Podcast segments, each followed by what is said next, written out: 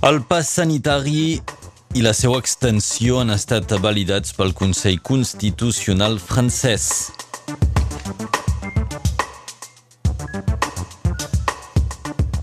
En aquest informatiu nos interessarem també per un petit animaló que torna bojos als pagesos. Aquest animal és la rata talpera. I als esports, Leo Messi no jugarà més al Barça la temporada vinent. És una informació que ha comunicat el club i en sabrem més detalls avui al llarg de la jornada.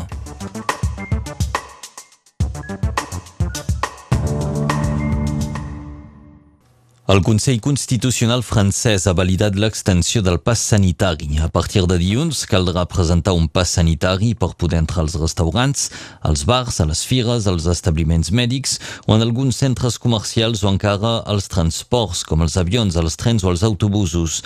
El Constitucional també ha validat l'obligació de vaccinació pels treballadors dels hospitals, de les clíniques, les cases de jubilats, les EPAT i altres treballadors en contacte amb gent gran. Aquesta obligació de vaccinació també concernirà els bombers i alguns militars. En canvi, el Consell Constitucional ha censurat la disposició relativa a l'aïllament obligatori de 10 dies per les persones positives a la Covid-19. Tampoc no es podrà posar fi a un contracte de durada determinada o un contracte de temporada si el treballador no té el pas sanitari. En canvi, es podrà suspendre un contracte de treball sense sou per un contracte de durada indefinida. Parlem ara de les xifres de la Covid-19. A Catalunya Nord es confirma la baixada de la taxa d'incidència, que avui és de 529, alhora que augmenten les hospitalitzacions. Avui l'atenció hospitalària és del 56%, amb 109 pacients hospitalitzats, dels quals 18 estan en reanimació. Avui el 70,59% de la població nord-catalana ha rebutjat almenys una dosi del vaccí. El Tribunal Superior de Justícia de Catalunya ha aprovat l'ampliació del toc de queda a 176 municipis fins al 20 d'agost. El toc de queda s'aplica entre la 1 i les 6 de la matinada. Amb aquesta decisió són 13 municipis sudcatalans de més que entren a la llista del toc de queda, que a partir d'ara s'aplicarà als municipis que tinguin una incidència acumulada superior als 250 casos de Covid-19 per cada 100.000 habitants en els darrers 7 dies. Més de 200 milions de persones s'han contagiat de la Covid-19 a tot el món des de l'inici de l'epidèmia, des de que es va detectar a la Xina a finals del 2019. La pandèmia ha causat fins ara la mort de prop de 4 milions i mig de persones. Són xifres recollides pel Centre de Ciència i Enginyeria de Sistemes de la Universitat John Hopkins dels Estats Units, un referent mundial en el seguiment de la pandèmia. Acolliu els focs artificials del 16 d'agost a motiu de la festa de Sant Vicenç han estat anul·lats. El ball del municipi, Guy Llobet, ha explicat que la pandèmia comporta encara un risc important i que la prioritat és la seguretat sanitària. Els castells de foc de Colliu ressegueixen cada any prop de... reuneixen cada any prop de 60.000 persones. Tota la resta de la programació de Sant Vicenç es mantindrà, però de forma dinàmica, és a dir, que els esdeveniments seran mòbils per evitar grans concentracions de públic. I aquest any 2021 un petit rosegador està tornant bojos als pagesos. Es tracta de la rata talpera que devasta els cultius menjant les arrels de les plantes d'hortalissa. Aquest any l'espècie ha conegut un pic de població i a la regió en contem tres uh, espècies, és a dir, la rata talpera, el talpó camperol i el talpó comú. Els camps de Catalunya Nord no se n'han escapat, tal com nos ho explica ara un pagès. Es tracta de David Nibet tenim aquest petit rap del talpú camperol, que és una rata talpera, que és cua curt, com una petita rata, agafa totes les, eh, les arrels de la ceba, donc, eh, i tot això fot un mal sí. a l'horta, dins els prats, dins dels terrenis d'esport, que en tenen una... I n'hi ha per tota França. Han estat, ha estat una invasió important. I jo mateix, dins d'una horta de Punteà, aquí a casa, n'he tingut amb bestiesa. Donc, donc és un herbívor, per això, eh? garrapant i sempre el, que li agrada són eh, les arrels petites i tendres. Donc, i dins l'horta se regala, eh? que siguin els porcs, me van xapar tota la irola de porc, les airoles de ceba, era un desastre.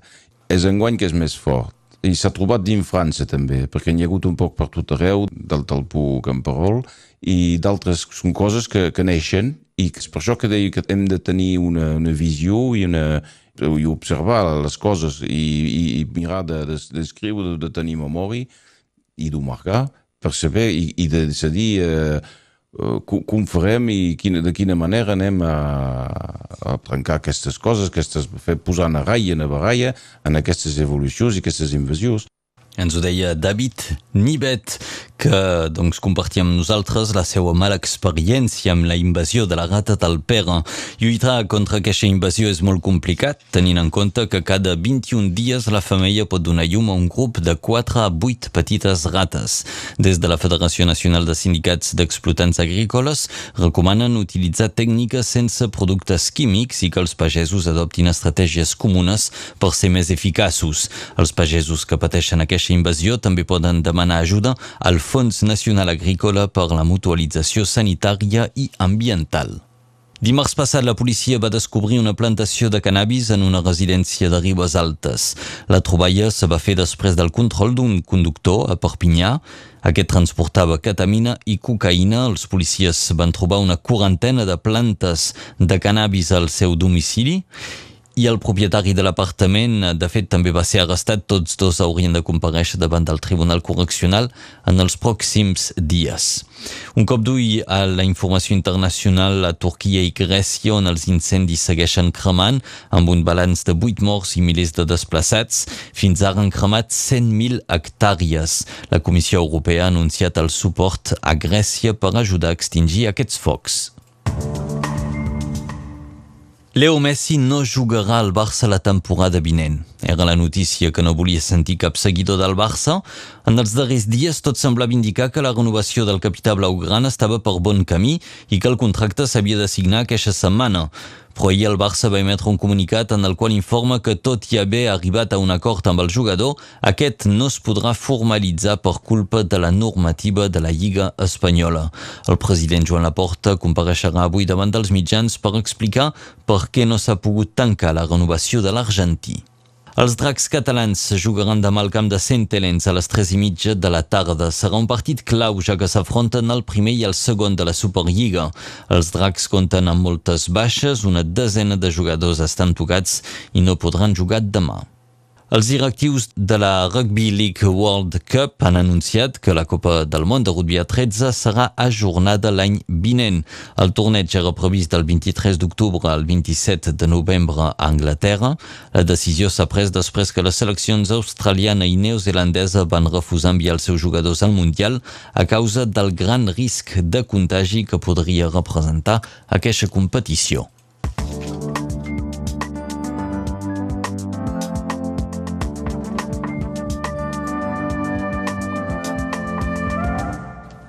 Descobrim ara la informació del temps.